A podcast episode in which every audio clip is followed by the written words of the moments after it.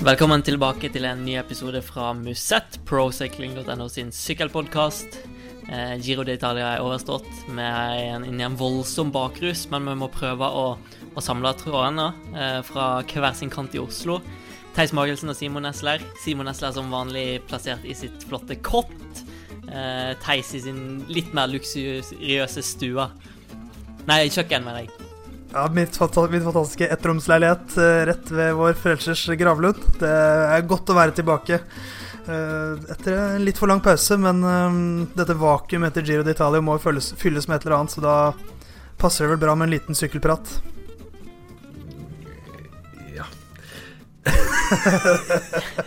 Trives du i kottet, Simon? Ja, jeg trives alltid veldig godt i kottet, så ja, som du sier, Theis, det det ble en lite opphold forrige uke. Det ble litt vanskelig å få til med full rulle med Tour of Norway og diverse. Så vi er i hvert fall tilbake nå. Så får vi håpe at du blir med oss den neste ja, skal vi si en time. Ja, skal vel ikke love noe der, kanskje, men uh, vi får prøve. Vi får, vi får, gå rett på sak, så, så kanskje vi klarer det. Um, forrige pod så innledet vel med litt med å starte om uh, Roglic allerede hadde avgjort uh, giroen. Uh, det viste seg jo ganske kjapt å være ja, dumt sagt, kan man si. Ja, jeg, jeg syns jo også vi sa at uh, det er ganske dumt sagt å si at Giroen er avgjort ja. også. Men uh, jeg tror alle tre var vel enige om at han kom til å vinne, tror jeg.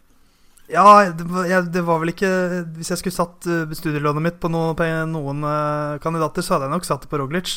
Men da hadde vi jo bare to tempoetapper å vurdere det ut ifra. Han så jo bunnsolid ut etter de to tempoene. Eh, og hadde skaffet seg et forsprang. Så um, jeg satt jo fortsatt med en følelse om at, om at Vincenzo Nibali fort skulle bli den som, som, han skulle slite litt med å knekke, og at laget hans skulle bli tynt.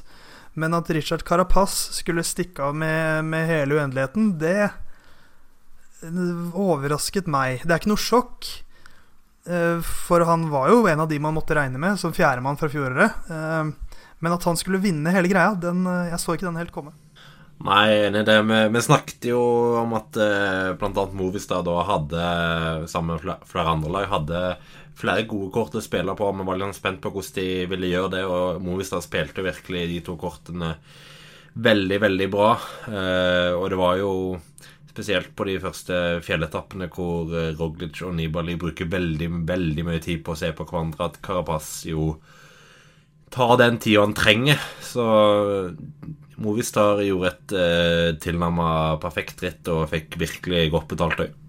Jeg begynner å tenke litt sånn har vi, har vi, et litt lignende case her som vi hadde under Flandern rundt? Da Bettiol på en måte fikk mer frihet fordi han er Alberto Bettiol. Ikke en av de som aller flest så på, mens litt som du sier, Simon, Roglic og eller Nibali fulgte kanskje feil mann. Var, så han seg litt blind på Roglic og glemte litt at det er Eller kanskje ikke glemte, men han, han tok ikke uh, Carapaz uh, som en like stor trussel. Og det skulle han kanskje gjort. For Carapaz så jo ut som en av de sterkeste rytterne i feltet vi, når vi kom til fjellene. Jeg tror at både Nibali og Roglic tenkte at uh, de hadde såpass masse tid å gå på at de kunne ja, leke litt katt og mus. Ja, altså Det den ikke helt vet, da er jo hva egentlig Roglic eh, følte underveis, all den tid vi jo fikk se at han mot slutten sleit med å følge de beste i fjellene. Om han allerede da egentlig var på limit og prøvde bare å kjøre konservativt og ikke bruke for mye krefter, eller, eller hva det var. Men eh, klart eh, Jumbo Visma etter at det pluss røyket, så satt de jo en ganske tynt besatt og hadde et par velt og sånn, så jeg, jeg, tror nok han rett og slett òg ble litt uh, i tillegg til at uh, formen hans nok har vært i toppform omtrent nesten hele sesongen, så det var kanskje litt sånn uh, ja, en del faktorer som gjorde at det ble litt for tøft for Roglic på slutten. Altså det klart svakeste laget, da. Det tror jeg også kan ha vært en, en sånn slitasjefaktor som det, det, tapper litt ekstra krefter hver dag at du må sykle mil etter mil i fjellene uh, uten hjelpere i det hele tatt, også mentalt. Ja, det tror jeg absolutt. Så Allikevel så tror jeg Jumorisme er sånn relativt greit fornøyd. De får Roglic får sin første pallplass i en Grand Tour, og ja, så Ikke optimalt, men uh, jeg tror de er relativt uh, godt fornøyd, selv om jeg, har nok uh, Det var ganske mange som trodde at han skulle vinne, sånn som det så han ut etter den første uka. Det er første, første gang han virkelig satser på sammendraget en Grand Tour og kommer ut med en tredjeplass i etter da, er, er vel å, ganske bra pluss to etappeseiere. Og jeg tror bare det var sammenfatningen av alle faktorene som gjorde at eh, han knakk litt. For han så jo bunnsolid ut etter de to tempoene som han vant. Eh, og så handla plutselig alt i pressen om han. Hadde han vunnet allerede? Og bla, bla, bla. Alt fokus ble der. Og så ble det en greie med Nibali. Alt handla masse mas om der. Eh, så hadde han eh, dårlig lag rundt seg. Måtte ta, håndtere omtrent alt sjøl. Samtidig som Movistar og Bahrain kjørte kjempebra. Og så fikk han den velten og missa Nibalis i gruppa i utforkjøringa på den Var det 19. eller 20. etappe? Det var vel en av de ganske sene etappene, ja. ja. Så var BAM egentlig masse små, små ting som gikk galt etter hvert, da. Ja, det er en klassisk sånn mange bekker små gjør en stor, og det var ikke noen sånn kjempetabbe noe sted. Det var sånne små smådrypp hele tiden som et sterkere lag kunne ha hindret noen av dem, kanskje, i hvert fall. Men, eh, men jeg syns det er et veldig godt poeng. Han, eh, han, er fortsatt ganske ung som syklist, og, og å få første podieplasseringen eh, også for Jumbo Visma, etter å begynne å satse litt mer på, på sammendrag osv., det, det er et, et, nytt steg han tar i karrieren sin uansett, selv om det kanskje er litt sånn en liten bismak på det hele. Ja, Hvis du ser på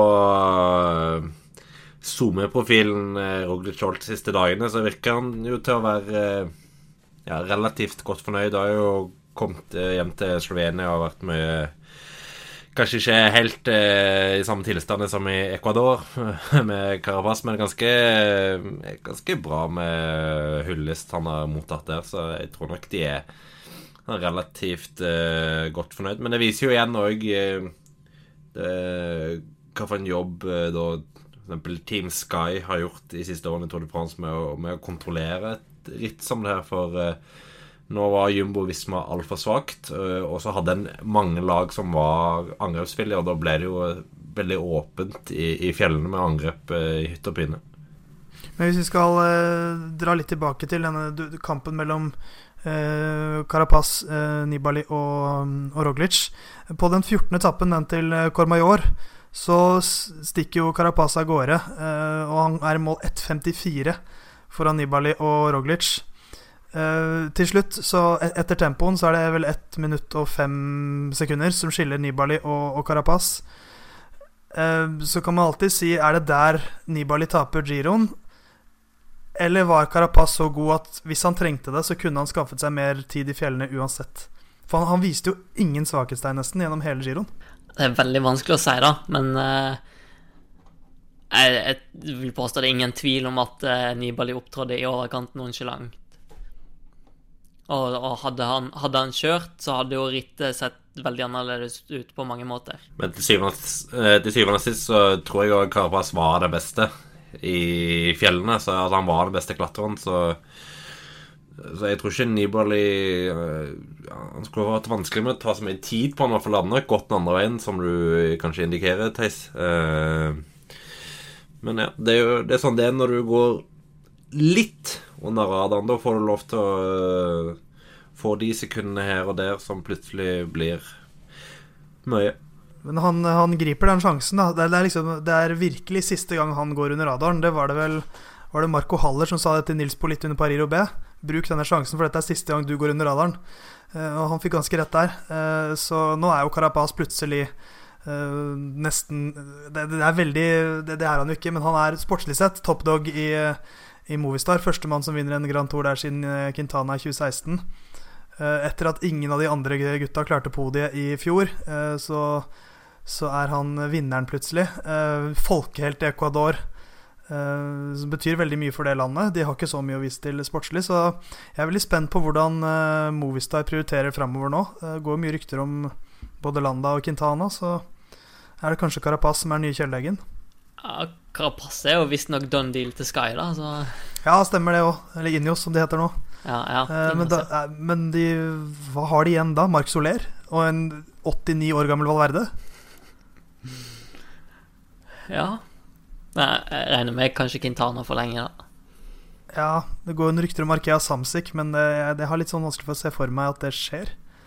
Greipel og Quintana på samme lag, det er noe Åh. som ikke Det lukter over toppen av det laget der etter hvert. Nei, Det ble jo litt uh, omstykninger nå, for nå virker jo Nibali til å være ganske klar på vei ut av uh, trekk.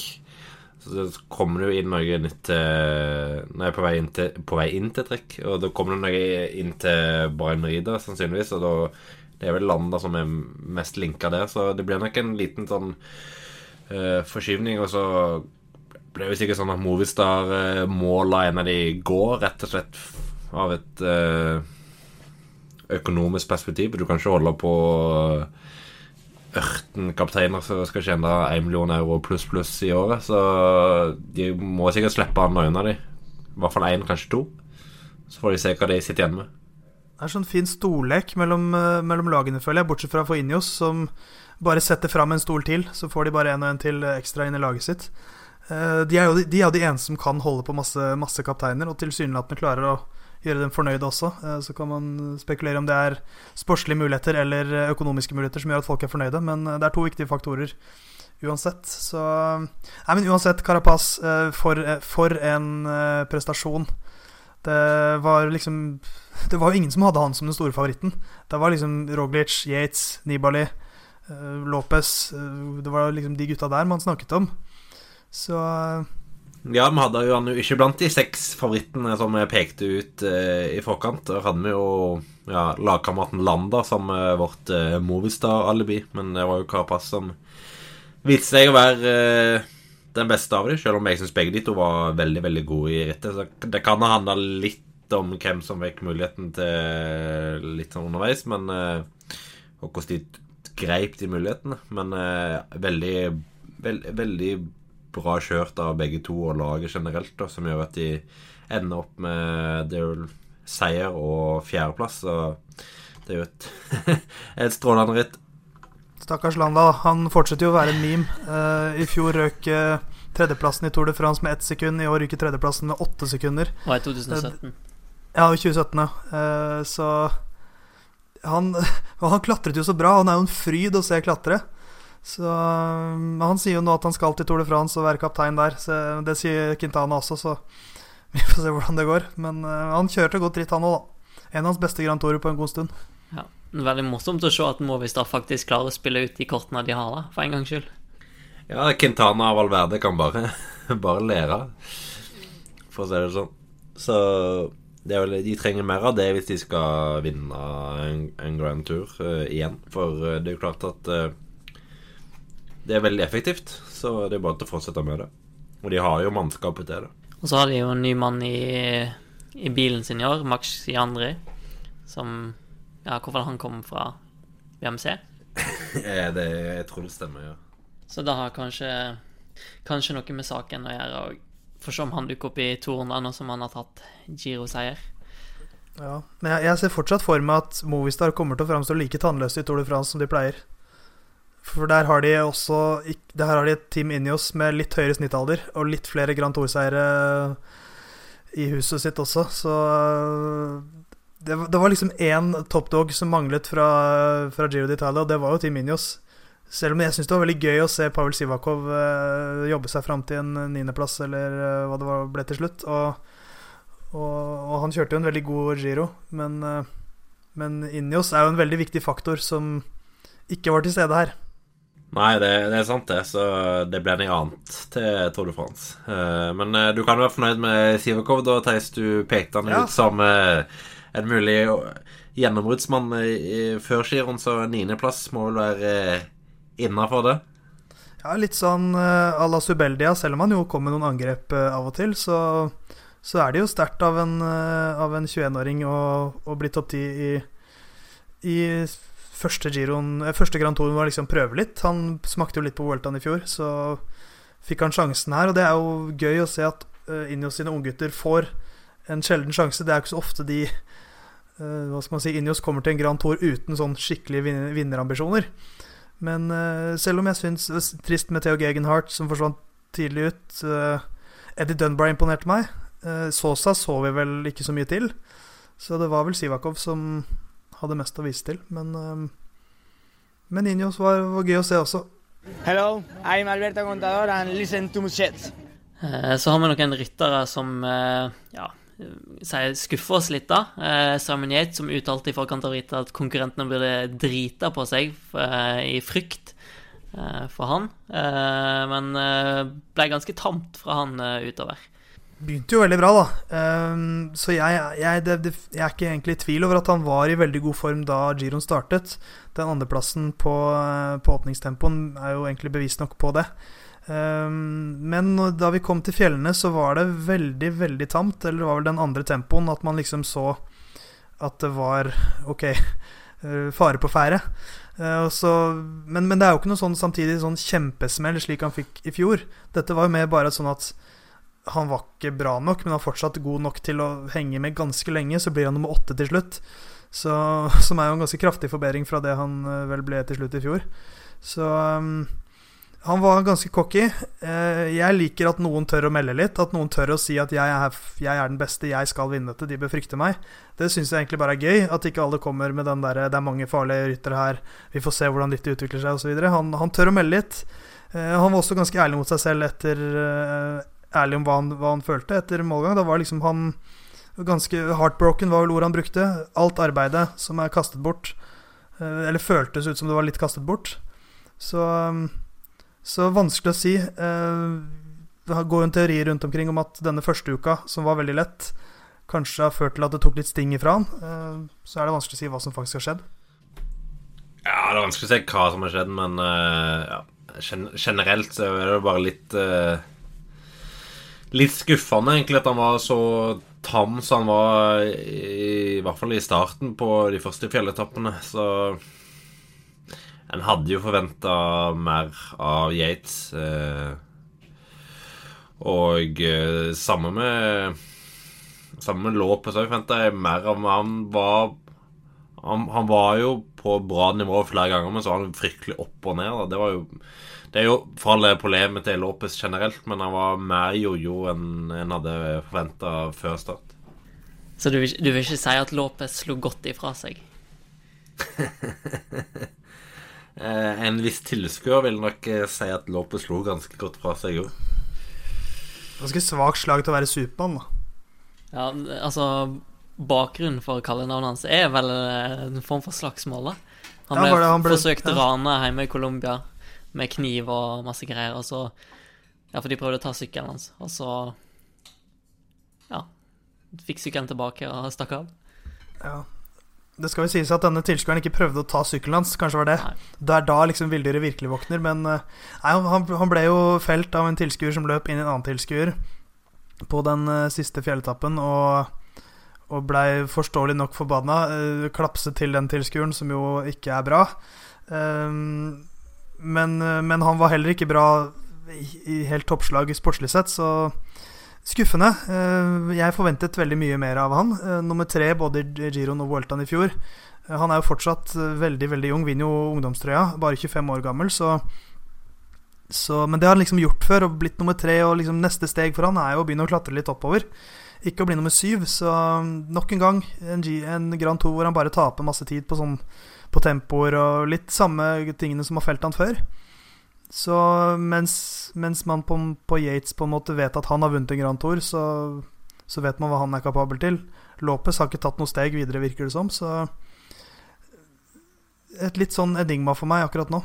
Jeg vet ikke helt hva, hva han blir framover. Han, klat, han klatra jo ekstremt bra tidvis, da. Men eh, samtidig sykla han veldig merkelig. Plutselig ble han droppa, og så fem minutter senere så var han eh, angrep han, og veldig masse frem og tilbake. Og han virker som en veldig eh, ujevn ryttertype. Ja, jeg måtte bare ned i bilen og starte elmotoren, vet du. Men samtidig så var det jo en fin uh, Giro for Astana. Tre etappeseiere. Eh, to til Bilbao, og så var det vel Cataldo som vant den siste. Eh, så selv om Bilbao ikke var, ble, klarte å leve opp til den sjetteplassen, så var det liksom De har jo noe å vise til, men samtidig en litt skuffende Grand Tour. Så litt sånn ambivalent eh, hvordan de sikkert føler det. Samtidig som Giro d'Italia gikk, så hadde vi òg to ritt på norsk jord. Eh, Simon var tilbake til stede på begge to. Starta i Hammer i Stavanger før turen gikk videre til Tour of Norway. Uh, og da starter vi òg i Stavanger. Og Simon, siden du var der, så kan jo du få gleden av å, å ta opp hovedtemaene derfra. Jeg kan jo begynne med, med Hammer, uh, som uh, Hva skal vi si Et konsept som sliter med å fenge folk. Det var rett og slett ganske glissent. Uh, i Stavanger. Det er jo skuffende for uh, arrangøren, sjølsagt. selvsagt. Uh, og jeg må jo begynne å tenke på om det her er det en virkelig ønsker å ønsker å ha gående. For i fjor var det Ja, det var, var ikke bra, men det var dårlig minus. Men i år var det vesentlig dårligere på tilskuerfronten, og mye av problemet tror jeg jo ligger i at den jevne norske tilskuer bryr seg jo midt i ræva om uh, Sunweb vinner, eller om uh, Humovisma vinner, eller om EF vinner. De vil jo se liksom Kristoff kjempe mot uh, Båsen Hagen eller Grønevegen og sånt. Det er jo det folk vil se. og jeg tror Hammer bare fenger fryktelig, fryktelig, fryktelig dårlig, sjøl om det jo i utgangspunktet skal være veldig publikumsvennlig. Så det var et eh, litt sånn skuffende arrangement. Ikke fra arrangøren sin side nødvendigvis. Det var selve rittet var fint organisert, men eh, det var, var skuffende rammer. Altså, nå var jo med rundt på hele Tour of Norway, og du ser jo f.eks. Mandal og Kristiansand og Hønefoss hvor det ja, Nå har jo ikke akkurat det tallfeste antall tilskuere på det, men det, det føltes som det var fem ganger så mye tilskuere uh, i Kristiansand, f.eks. Så det er jo et eller annet som uh, ikke helt uh, blir gjort riktig med, med Hammer. Jeg, jeg, tror rett og slett det er bare et, et konsept som tar seg ganske greit ut på TV, men som er dårlig publikumsidrett der og da. Det er så vanskelig å for Når man ser det på TV Jeg så det på TV, stå litt sånn fra og til. og det er jo det er jo ikke kjedelig, syns jeg. Det er jo alltid noe som skjer, det er poeng som skal deles ut, og osv., osv. Men du har jo mye mer oversikt når du ser på TV. Um, det er jo så uforståelig altså, Grunnkonseptet i sykling er så enkelt. Førstemann i mål. Eh, men sånn er det ikke i Hammer. Eh, og når du da står langs løypa og skal se på disse rytterne Kanskje står du midt i en bakke, og så har du ikke noe skjerm i nærheten og hører ikke spiker, og da ser du bare masse ryttere som er kjempeslitne, men du skjønner ikke helt hvem som leder, eller hva som skjer. Så Og det er sånn de, det, må, det, må, forenkles litt, tror jeg. Fordi at det, I 2017 da var det nytt og spennende. Ok, I 2018 så kunne de få, fortsatt få muligheten til å kjevle ut noen, noen skjønnhetsfeil. Men nå er det tredje året, og det klarer fortsatt ikke å fenge helt. Så da må jo Velon etter hvert begynne å tenke litt, stikke fingeren i jorda og se hva er det egentlig vi har her, og hvordan kan vi gjøre det bedre. Ja, for det er liksom sånn uh, Altså, det er ti spurter, da, eller ti bakkespurter. Altså, du husker ikke hvem som vant den andre bakkespurten, eller den femte, eller den sjuende. Uh, og når det er ikke den som kommer først i mål, som vinner heller. At, at det laget som vinner igjen, det kan komme fem minutter bak, liksom. Eh, så da, målgang blir jo gjerne et antiklimaks, da. Og det er veldig vanskelig å huske, liksom, i ettertid. Altså, vi satt her nå i forkant og diskuterte litt, og Theis måtte tenke ganske hardt på hvem som vant. Jeg, jeg, jeg måtte ikke bare tenke hardt, jeg husket det ikke. det var dere som måtte si det til meg. Men sånn så Hammer Climb, da, på altså, For å ta Hammer Stavanger altså, På, på fredag så var det Der var det relativt jevnt mot slutten, og så var det vel Toynesen som var først over, og det var Jumbovisma som vant. Så den var grei nok. Eh, mens på fredag Nei, på lørdag, på Hammered Sprint, så var det jo eh, Hvem var det så Det var en CCC-rytter og en rytter fra Var det fra Bård eller et eller annet? Jeg husker ikke akkurat, men det var uansett Kenny Quickstep som vant, og de tror jeg var, hadde beste rytter sånn nummer fem, seks, syv eller noe sånt over målstreken.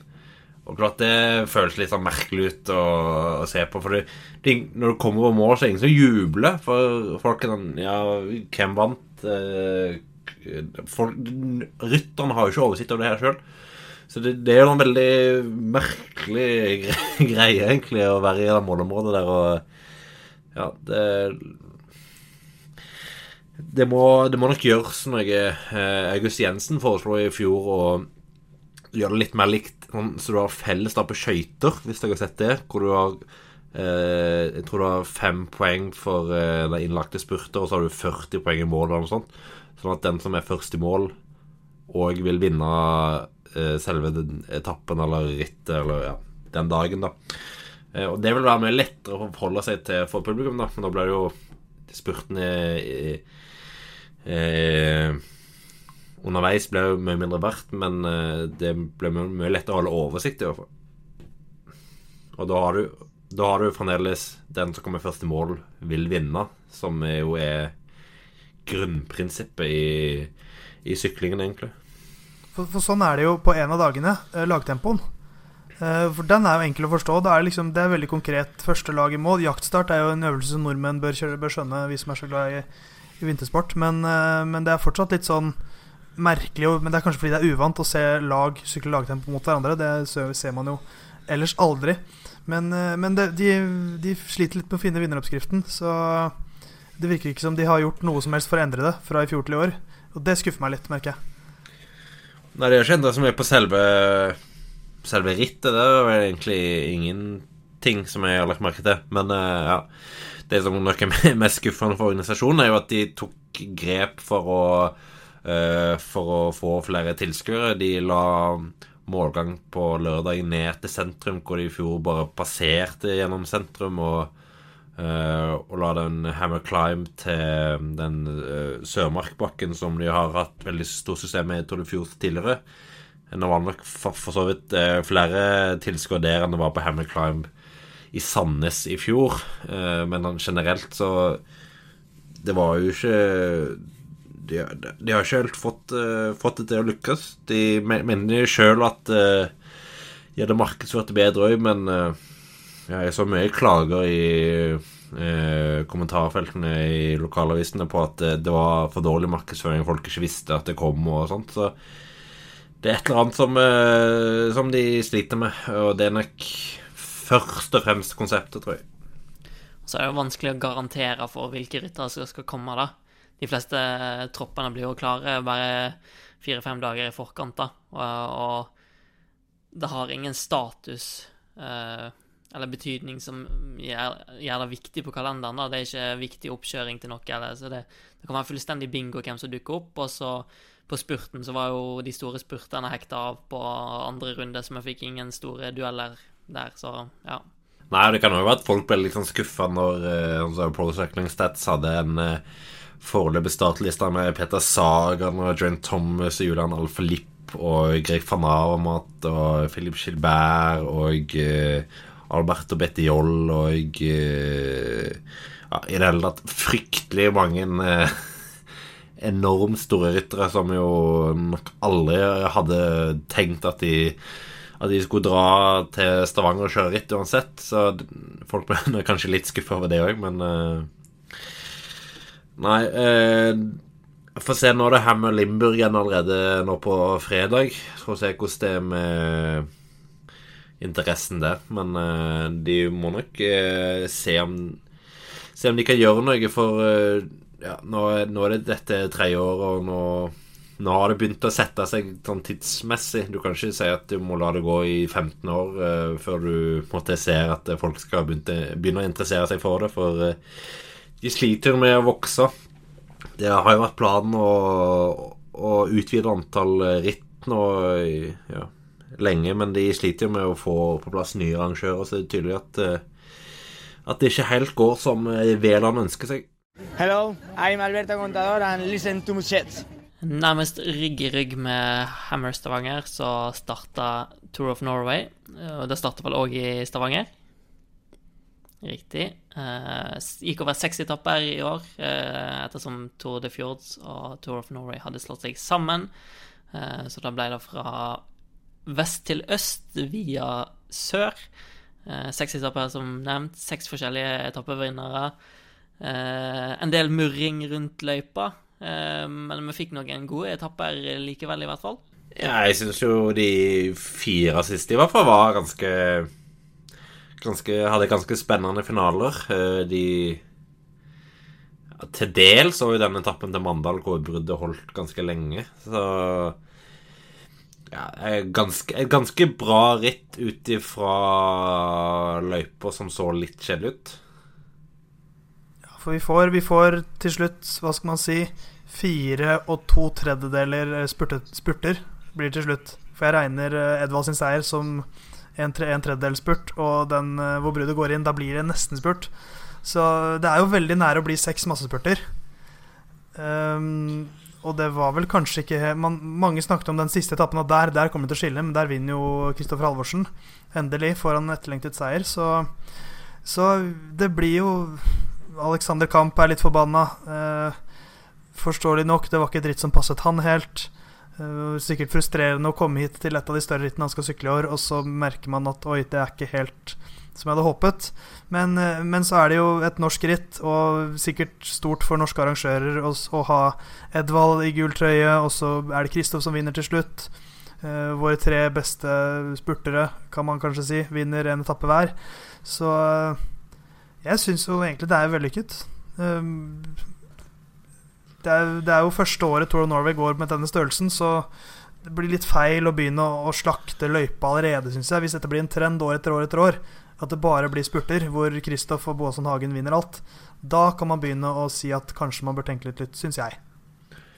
Ja, Kamp meldte jo at, uh, at løypene på en måte mer eller mindre var laga for Edvald og, og, Alex. Og altså, til en viss grad så stemmer jo det. Altså, selvfølgelig ønsker jo norske rittarrangører at, at de store norske stjernene skal få gode resultater. Det er jo sånn de får uh, publisitet og oppmerksomhet rundt sitt eget ritt. Du hadde aldri fått uh, hvis f.eks. Alexander Kristoff var den eneste norske proffen, så hadde du ikke lagt inn seks eh, toppfinisher. Det, det, hadde vært eh, idiotisk, for da hadde du aldri fått Kristoff, og da hadde du fått eh, mye mindre blest.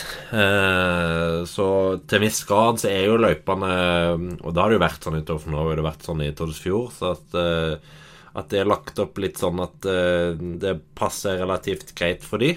og og det er jo helt, helt greit. Jeg tror ikke en skal tenke at det er fysj-fysj, men uh, klart det hadde vært mulig å legge inn en, uh, en litt tøffere etappe som gjorde at uh, Gjorde at andre ryttere kom fram i, i sammendraget, og at måtte Kristoffer Baasen Hagen i større grad uh, kjempe om etappeseier un underveis. Men det tror jeg òg vi får se. nå nå var det et ritt i år som uh, første år etter at de slo seg sammen. Det var Begge arrangørene hadde uh, forpliktelser til, til diverse steder med tanke på etapper underveis og start og mål, så det, litt, det ble litt sånn det, sånn det ble. Og så er det jo planer om å ha mye mer variasjon. det er jo målet å egentlig ha alt fra Trondheim og sørover involvert i, i rittet. Og da, da, dekker du mye større område enn det lille området vi egentlig dekka i årets ritt. Så er det et ritt hvor, hvor sammendraget blir avgjort på bonussekunder til slutt. Og jeg vet ikke, sånne ritt som avgjøres på bonussekunder, eh, så får jeg alltid sånne tanker i hodet mitt om at da er det litt tilfeldig hvem som vinner. Eh, så er det jo ikke tilfeldig, for de har jo tross alt Eh, fått de posisjonene de har fått. Alexander Kristoff, at han vinner på bondesekunder i sammendraget, det er fordi han har vært så stabil. Og blir, altså, er topp tre på tre av etappene og vinner en fjerde. Så det er jo ikke tilfeldig, men det oppleves fortsatt litt tilfeldig, for du får ikke den derre eh, Det er ikke to, en som sykler fra den andre, da. Eh, det er så små marginer. Så jeg tror kanskje det er det som jeg i hvert fall reagerer mest på. At man, hvis man får én litt mer krevende etappe, så får man fall skilt båtene litt. Litt vann mellom båtene blir det alltid da. Så Og det kunne man klart å få til. Selv om man har liksom Tour de Fjords med base i Stavanger og Tour of Norway som er liksom fra Ringerike, så må man innom de stedene selvfølgelig, og da må man sykle mellom de òg. Så, men jeg syns fortsatt at Kamp var altfor krass i sin, sin, kritikk, egentlig. For uh, det er første året dette rittet går som et samlet Tour of Norway, så uh, Roy Hegerberg har jo allerede vært ute og sagt at du får komme tilbake neste år, Alexander, for da skal vi sykle rundt på Vestlandet. Så du kan vel bekrefte, Simon, at der finnes det noen bakker å sykle i? Ja det er mye bakker oppover der. Nå er jo Jæren ganske flatt, men jeg har jo studert eh, lenger nordover, og Knut kan sikkert òg verifisere det som en eh, ja. hordalending. Så ja da, det, det ble nok mye mer bakker de, de neste årene. Eh, men det er jo, det er litt pussig at det til slutt var såpass lite som skilte. Jeg husker jeg snakket med, med Gino van Odenhove i eh, forbindelse med Hammer. Og da sa jo han at Jeg spurte om ja, Det var før det ble kjent at Cav da Cavendish ikke kom. Jeg tenkte For Cavendish har jo ikke sjanse i, i Sammendrag uansett, men Båsen Hagen har jo har jo det. Eh, og på en måte hvordan de da skulle spille på lag, om Boasen Hagen skulle få sjanse, og spurte for bonuskunder siden det kunne være viktig. Og da og sa han egentlig at han tenkte at den siste appen kom til å bli så hard at eh, bonuskundene ikke hadde så mye si uansett, men eh, det, det ble jo virkelig bonuskundene som avgjorde rittet.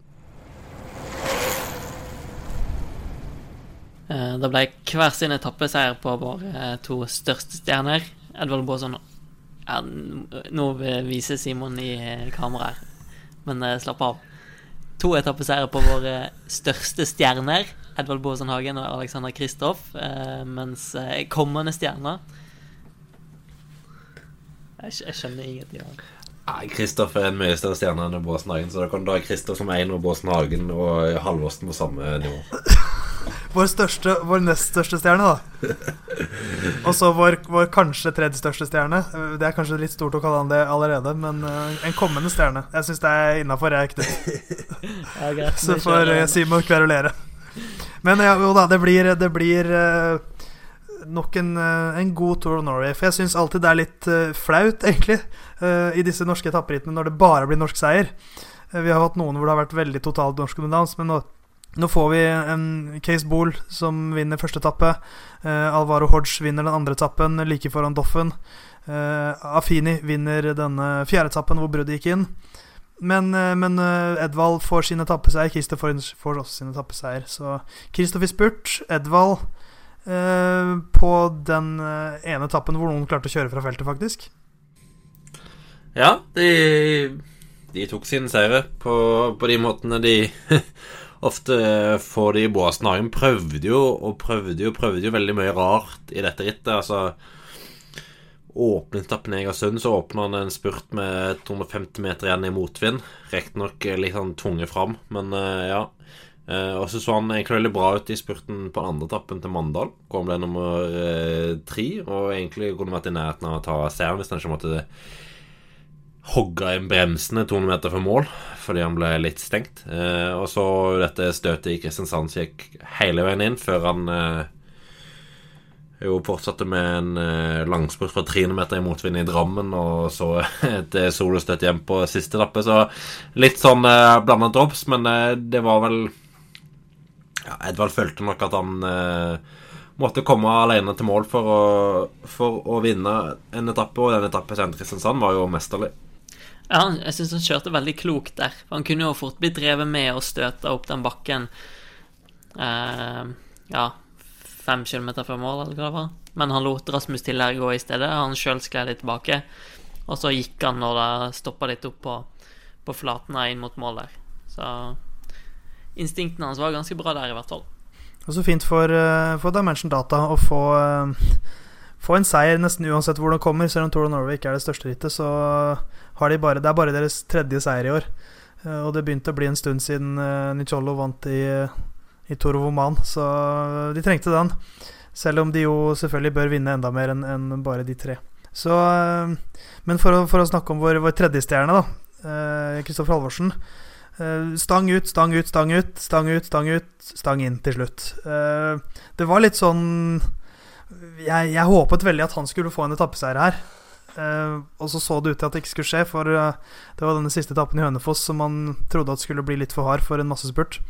Men, eh, men det, det, var jo en del sånn spurter hvor det så veldig lovende ut, og så siste sving så kommer det tre mann forbi, eller han blir sperret inne, eller litt som det har vært en del ganger nå. I hvert fall var det sånn i California.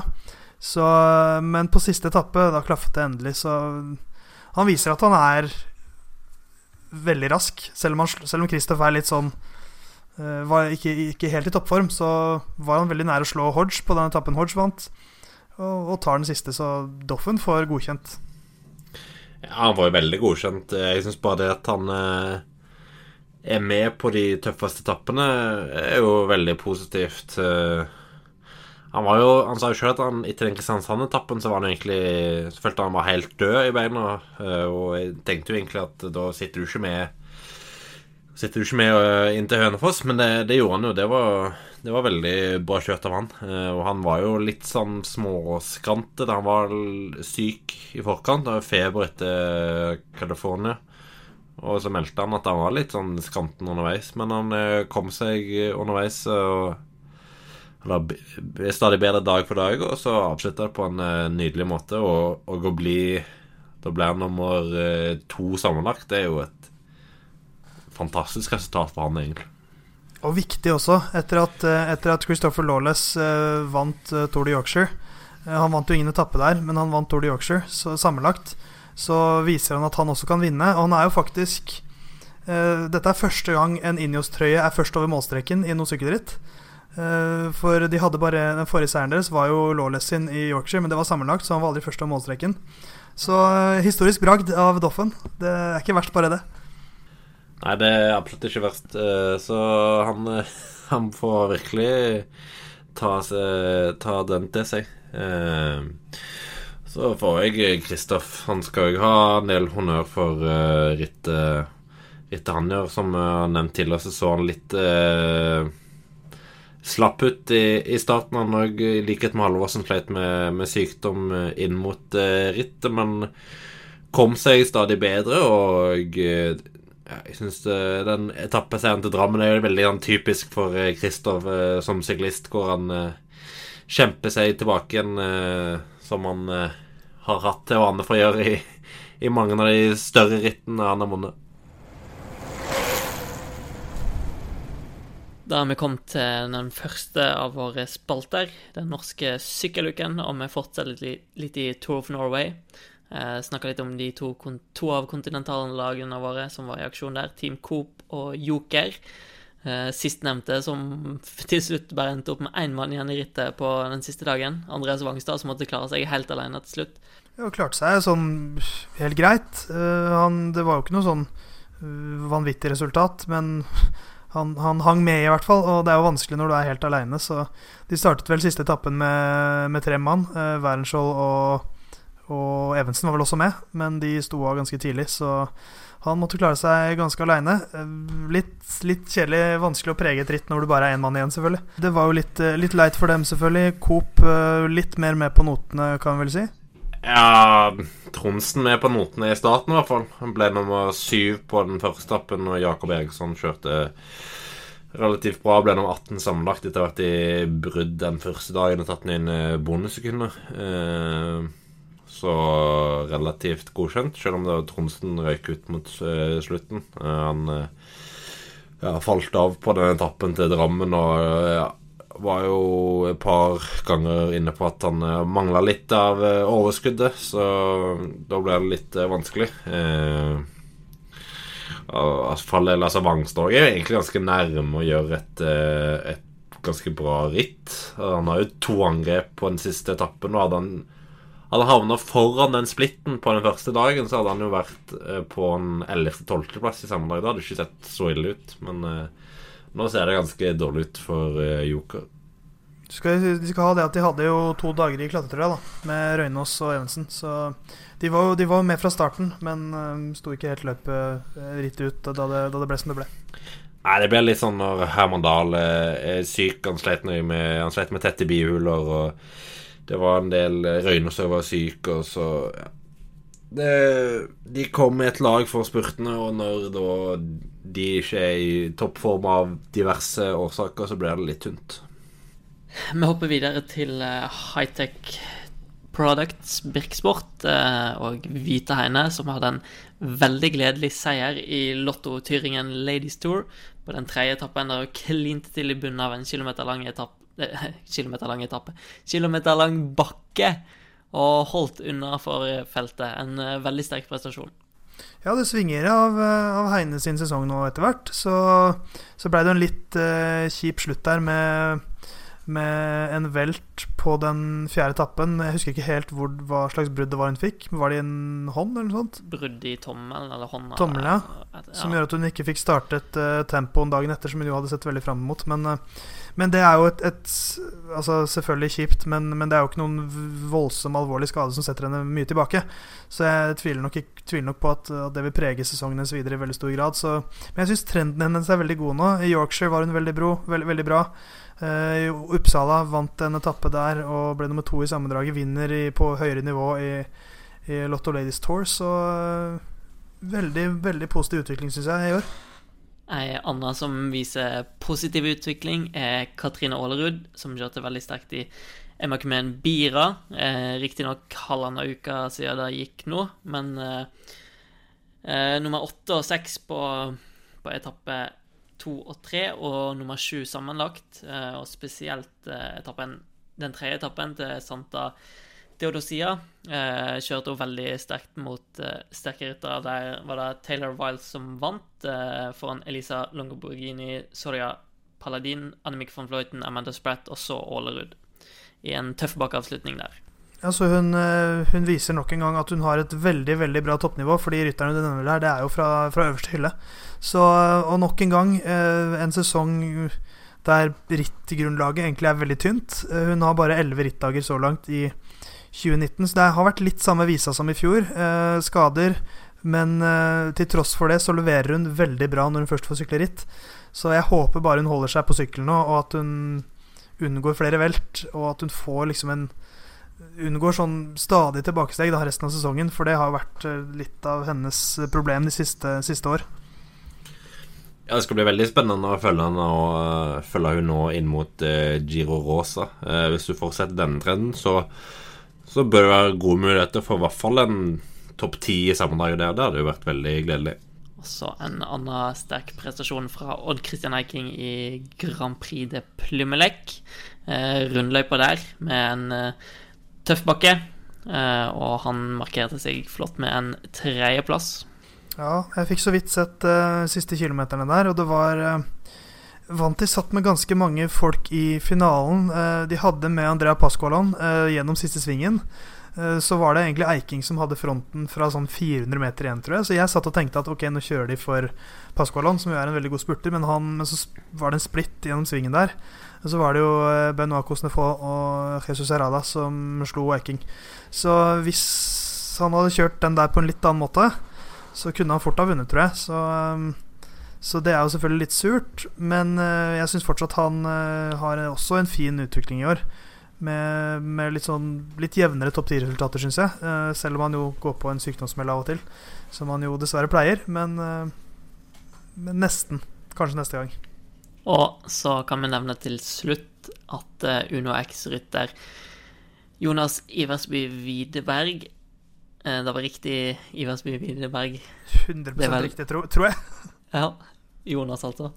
Eh, som ble nummer ti i U23-utgaven av Paris Roubais. Eh, har tidligere en femteplass fra juniorutgaven.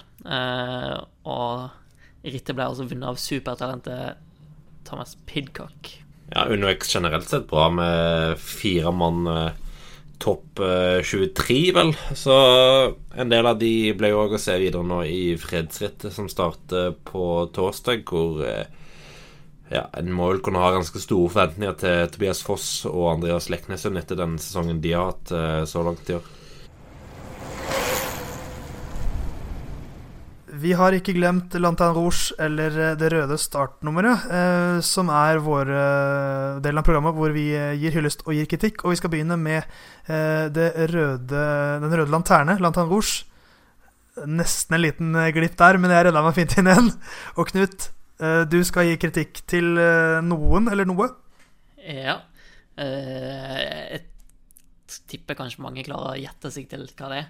Det er altså eh, på den 20. etappen i Giro d'Italia, når eh, rytterne er på vei opp Mont Avena, eh, så utspiller det seg en situasjon der en tilskuer løper langs rytterne, som vi så ofte ser, men han havner altfor tett på, kolliderer inn i en annen tilskuer, faller på Miguel Angel Lopez, som igjen faller i bakken.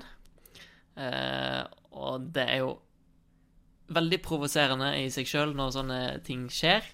Eh, og Miguel Angel Lopez reagerer med å klapse til han uh, flere ganger. Uh, som Ja, lett å skjønne frustrasjonen, men bør vel kanskje ikke håndtere det helt sånn.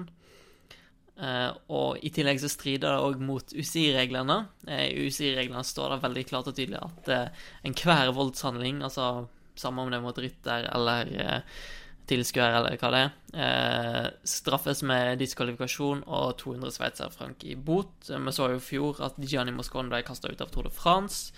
Eh, men rittkommuniserende valgte å ikke straffe Lopez fordi det var en menneskelig reaksjon. Eh, men nå er det jo det et etterspill der det vurderes å eh, sanksjonere Lopez da med i, i henhold til reglene. Eh, så da blir det altså slakte tilskuer for at han velter Lopez, slakt til Lopez for at han begynner å slå på tilskueren, og slakt til rittkommissærer, UCI, RCS, alle som er involvert i byråkratisk tull. Så en uh, tidenes første trippelslakt. Tre røde Nei, tre Rouge. Herregud. Jeg klarer ikke å holde tunga rett i munnen. Uh, men det gjorde heller ikke uh, Lopez. Så altså, forstår jeg det. Det er en menneskelig reaksjon. Det, er, det, forstår jeg egentlig veldig godt. Men så er det også det at du, du, er, en, du er en spesiell situasjon. Du er i en spesiell posisjon. Du, du, skal være et forbilde. Du er en toppidrettsutøver. Du skal ikke heve hånda di mot en tilhenger, selv om han er dust. og det har vi prata om i årevis, at mange folk drar til sykkelrittene for å løpe langs rytterne. Det er ikke noen fin trend. Og dette, dette, denne spagettien av, eh, av, en, eh, av, et byråkrati som bare ofte klarer å lande på feil avgjørelse. Så svikt i alle ledd, som man sier på fotballspråket. Det er litt sånn klassisk at, at han ikke håndhever regelverket. Det er jo samme måte som en så i På den Tour de France-etappen som Thomas de Gent vant på vei opp Mont, uh, opp, opp Mont Vant 2 hvor uh, Chris Froome sprang. Det òg er jo imot regelverket og skal medføre diskvalifikasjon, men uh, det er jo litt sånn når det er ekstraordinære omstendigheter, så blir ofte de satt til side. Så syns jeg på en måte at det var mer ekstraordinært, for da var det tross alt en, en motorsykkel tilknyttet rittet som skapte trøbbelet. Her er det jo mer sånn en tilskuer som, sånn, sånn, sånn som skjer som uh, tuller det til, så kan man si at hvem er ansvarlig for sikkerheten til rytteren osv. Men nei. nei uh, tull, tull, og tull, tull og tøys. Slutt med å slå folk. Det fører aldri til noe bra. Så får vi se om Lopez får sin straff til slutt. Uh, men Simon, du har i oppgave å hylle og dele ut et rødt startnummer. Der traff jeg rett. og hvem får det, det røde startnummeret? Eller de røde startnumrene, kanskje? Eh, ja, de skal gå til et, eh, et lag eh, som den observante lytterne kanskje kan kanskje tenke seg til, til hva det her er. Men ja, i Tough Norway så ble jeg imponert over UnoX. De kjørte Jeg syns de kjørte veldig bra som et lag. Og fikk veldig mye ut av rittet. Du har en andreplass Anders Skåseth på den fjerde etappen. Eh, og på den femte etappen til Drammen sitter de med samtlige ryttere i, i feltet. Og på etappen til Hønefoss så sitter de òg med fem av seks eh, fem av sine seks ryttere i, i, feltet. Så gjør opp om seieren og ender da til slutt med en sjetteplass til Skårseth i samme dag, tolvteplass til Jonas Abrahamsen og sekstendeplass til Markus Wolgaard. Eh, og eh, lik tid i lagkonkurransen som vinner Lotto Sodal. Så de skal virkelig ha kudos for et veldig bra ritt i et sterkt felt. Det viser at de er klare, eller kanskje ikke klare, men i hvert fall har, er på god vei til å ta dette neste steget, hashtag osv. Eh, fordi de kom jo hit med, eh, med, kan vi si, litt sånn seniorlaget deres. Eh, ikke de, de, yngste gutta, de som har litt flere år på baken. Eh, Resell, vel den yngste, som blir 23 i år. Så dette er jo ryttere som tydeligvis de har tenkt, vil jeg tro, skal være med også neste år og skal dra litt av lasset da, når de tar, tar enda et steg. Så uh, veldig nær etappeseier. Uh, Skorset blir til slutt nummer, uh, nummer. Og jeg syns også dette andreplassen han får bak Afini han, han, tar det på en veldig fin måte. At ikke noe sure miner, ikke noe å grave seg ned. Han sier bare nei, det var en helt ærlig spurt, så da, da var han bare bedre enn meg. Så de var jo det beste norske kontilaget denne uka. Ja, uten tvil. og ja, de, som du sier, Theis, de viser at uh, de har mange solide ryttere som uh, ikke har noen problemer med å menge seg fint i et felt med, med, med proffene. Og da, da, tror jeg òg det steget til Pro Conti at uh, at ja, For å ta de rytterne som var her da i dette rittet, at, at de, er, de, de, er klare for et sånt steg, og det er jo alltid fint å ha en litt sånn bekreftelse på at jo, vi har det nivået som trengs for å kunne ta det steget opp. Ikke at de kommer til å kjøre en toppresultater i hvert rett, men de har et, et, nivå som gjør at de i hvert fall vil være fint med og til stede i, i, i rittene de da eh, kjører på et høyere nivå til neste år. Hello, I'm Alberto Contador and listen to Muchet. Og da begynner vi å nærme oss jeg tror vi er litt over en time, men så vi klarer vel ca. rundt en time i dag, kanskje, med litt, eh, litt kutting. Eh, og det er jo sterkt. Ja, det er, det er, et comeback, det. Eh, ikke på nivå med Jesus, men eh, ganske bra likevel.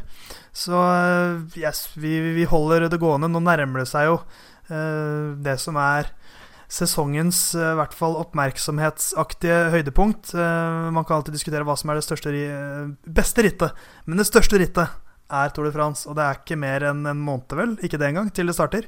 Kriterium Dolphiné i gang på søndag med Garen Thomas og Chris Froome og hele bøtteballetten, så uh, sykkelsesongen stanser jo aldri. Og vi skal ha NM før det òg, herregud. Det skjer jo så mye. Ja, det er veldig mye å, å se frem til. Og nå skal vi begynne å bygge opp stemninga mot Tour de France på procycling.no. Uh, og se deilig kriterium da Dauphiné. Og ja, masse kjekt som skjer for, fremover. Og så begynner vel Sveits rundt etter hvert òg. Fare for det. Takk for oss. Nei, vi må altså Hvis du er Vi må jo komme med en anbefaling her først, da. Eh, hvis, du, hvis, du, er veldig glad i podkaster som er ca. en time lange, eh, så har Theis en anbefaling til deg. Har jeg det? Abonner. Ja, det, herregud. Jeg var helt, helt glemt det. Det var så lenge siden sist. Eh, selvfølgelig. Jeg som eh, finansmannen i Musett må eh, reklamere litt. For vi som eh, holder på med denne podkasten, syns det er veldig gøy å se at vi stiger på lister. Det syns finansmenn er veldig gøy. Så gå inn på iTunes, eh, søk opp Musett, så trykker du på abonner, så laster du oss ned, og så rangerer du oss også. Gi oss gjerne fem stjerner, sleng inn en hyggelig liten kommentar, så blir Knut, Simon og Theis veldig glade. Så for å oppsummere, abonner, last ned, ranger. Ja. Fornøyd, Knut? Vi kom til til slutt. Og, òg fornøyd hvis folk leser procycling.no og ser sykkel hos vår samarbeidspartner Eurosport Norge. Og så er vi tilbake neste uke med en ny podkast. Adjø. Hasta luego. På gjensyn, betyr ikke det?